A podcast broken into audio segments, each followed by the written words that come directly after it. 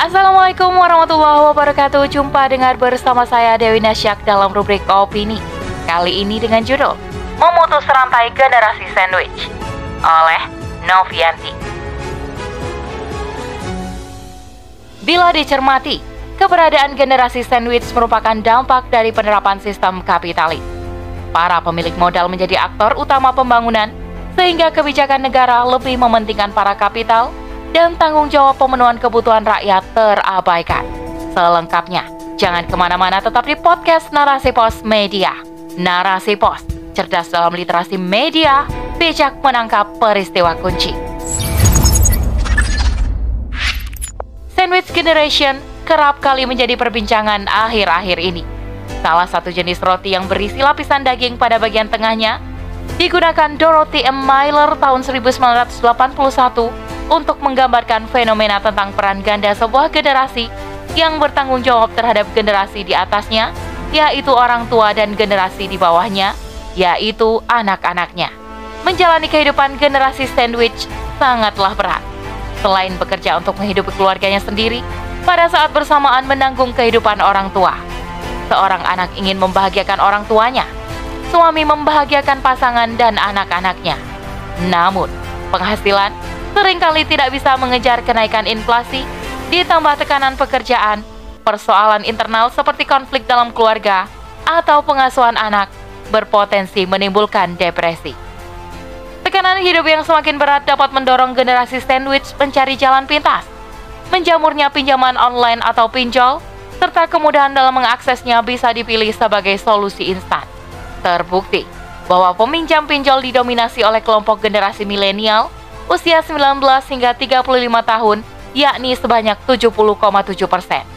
Data ini dilansir Otoritas Jasa Keuangan pada Maret 2020. Peminjam laki-laki lebih banyak dibandingkan dengan peminjam perempuan. Hal ini bisa disebabkan karena kaum lelaki menjadi penopang ekonomi keluarga. Alih-alih mengurangi beban, pinjol justru kerap menimbulkan masalah baru yang menambah beban pikiran dan menambah beban psikologis generasi sandwich.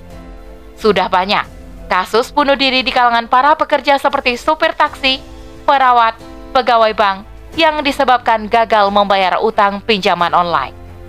Sosiolog dari Universitas Negeri 11 Maret, Jarat Trikartono, berpandangan penyebab lahirnya generasi sandwich adalah perkembangan digital. Ada kalangan generasi lama tidak mampu beradaptasi dan tidak memiliki kompetensi untuk bekerja dalam era digital. Akhirnya, anak-anaknya harus menanggung beban hilangnya produktivitas orang tua di saat mereka memiliki tanggung jawab terhadap keluarga yang baru dirintisnya. Menurut derajat, Para orang tua seharusnya sudah merancang finansial ketika masih produktif sebagai bentuk kasih sayang kepada anak. Mereka bisa menjalani masa tua dengan tenang tanpa harus merepotkan anak. Kesehatan yang kerap menjadi gangguan bagi kalangan orang tua dapat disiapkan dengan mengikuti asuransi, baik sebagai pekerja BPJS atau asuransi swasta. Menyiapkan dana pensiun yang disisihkan dari penghasilan setiap bulan, atau mengikuti pelatihan kewirausahaan agar menjadi seorang pension planner, yaitu pengusaha pasca pensiun. Untuk generasi sandwich, harus mengurangi gaya hidup konsumtif. Harus mengurangi gaya hidup konsumtif, memiliki pekerjaan lebih dari satu atau mencari sumber pemasukan yang tidak mengganggu pekerjaan utama. Bisa membeli saham, reksadana, atau deposito.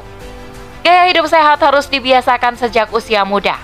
Problem kesehatan di masa tua akibat gaya hidup di masa muda biasanya berupa penyakit berat seperti diabetes, gagal ginjal yang membutuhkan dana besar, dan pengobatannya membutuhkan waktu yang lama. Rantai generasi sandwich ini harus diputus karena dapat menimbulkan problem sosial, termasuk masalah kesehatan mental. Namun, solusi ala kapitalis tidak akan menyelesaikan persoalan. Malah generasi sandwich justru dimanfaatkan. Adanya hiburan malam, layanan sleep call, salah satu cara khas ala kapitalis mencari keuntungan tanpa mempertimbangkan halal dan haram. Menyiapkan dana pensiun, asuransi kesehatan, pemasukan tambahan hanya bisa dilakukan oleh mereka yang berpenghasilan besar. Berbeda dengan para buruh atau pekerja informal, penghasilannya hanya cukup untuk menutupi kebutuhan sehari-hari. Bisa jadi nyaris tak tersisa atau tidak mencukupi, sehingga terpaksa gali lubang tutup lubang.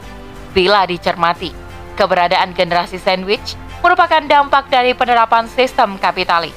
Para pemilik modal menjadi aktor utama pembangunan, sehingga kebijakan negara lebih mementingkan para kapital dan tanggung jawab pemenuhan kebutuhan rakyat terabaikan. Seperti yang kita lihat hari ini, proyek-proyek mercusuar berbiaya besar terus saja dipaksakan. Sementara, subsidi untuk rakyat makin dihilangkan. Kenaikan harga BBM, listrik dan gas memberikan efek domino dalam bentuk kenaikan transportasi dan berbagai harga kebutuhan pokok. Berbeda dalam sistem Islam, keberadaan generasi sandwich tidak akan terjadi dalam sistem Islam yang disebut khilafah. Pemimpinnya yaitu seorang khalifah akan menerapkan syariat Islam sehingga semua sistem pengurusan rakyat merujuk pada hukum syara. Sistem ekonomi Islam akan mengatur pengelolaan sumber daya alam sebagai milik umat. Dengan demikian, rakyat dapat menikmati listrik, pendidikan, kesehatan secara gratis atau dengan harga yang terjangkau. Negara tidak akan menyerahkan pengelolaan SDA kepada pihak swasta karena termasuk hajat hidup orang banyak yang haram dikomersilkan. Hal ini berdasarkan sabda Rasulullah, kaum muslim berserikat dalam tiga perkara, yaitu padang rumput, air, dan api. Hadis riwayat Abu Dawud dan Ahmad. Pendidikan di lembaga formal berdasarkan akidah Islam dengan tujuan melahirkan sosok berkepribadian Islam. Layanan pendidikan bisa diakses semua kalangan. Siapa pun memperoleh kesempatan untuk mengembangkan potensi dirinya. Kaum laki-laki dibekali dengan kecakapan atau kompetensi agar dapat bekerja untuk memenuhi nafkah bagi keluarganya. Pendidikan yang mengajarkan sakofa Islam akan memahamkan bahwa berbakti pada orang tua adalah wajib Karenanya saat anak harus menanggung kebutuhan orang tua, tidak dipandang sebagai beban. Ketika kesehatan dijamin negara, rakyat tidak akan cemas. Negara menyediakan layanan rumah sakit dan tenaga kesehatan profesional, serta fasilitas kesehatan yang memadai.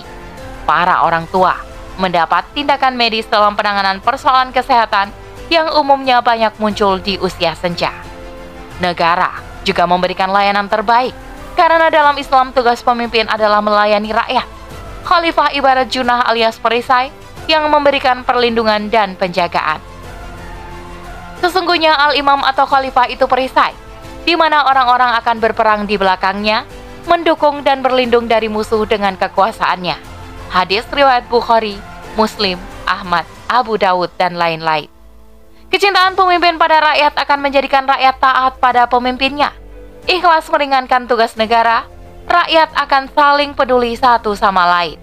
Selain meneladani pemimpin, juga bagian dari implementasi ajaran Islam. Banyak sekali anjuran-anjuran dalam Islam untuk saling tolong-menolong. Seperti sabda Rasulullah, sebaik-baik manusia adalah yang paling bermanfaat bagi manusia lainnya.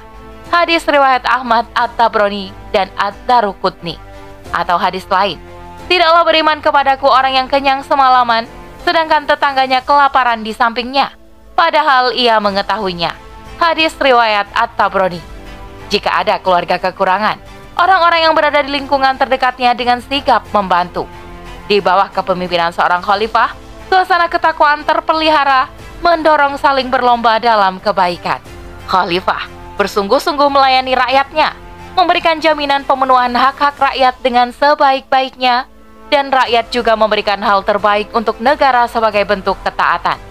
Demikianlah gambaran sistem Islam memberikan perlindungan pada seluruh lapisan masyarakat yang akan menihilkan munculnya generasi sandwich. Untuk itu, kewajiban umat Islam menyegerakan tegaknya sistem Islam sebagai solusi tuntas untuk memutuskan rantai generasi sandwich. Wallahu a'lam bisawab. Demikian rubrik opini kali ini sampai bertemu di rubrik opini selanjutnya. Saya Dewi Nasyak undur diri. Assalamualaikum warahmatullahi wabarakatuh.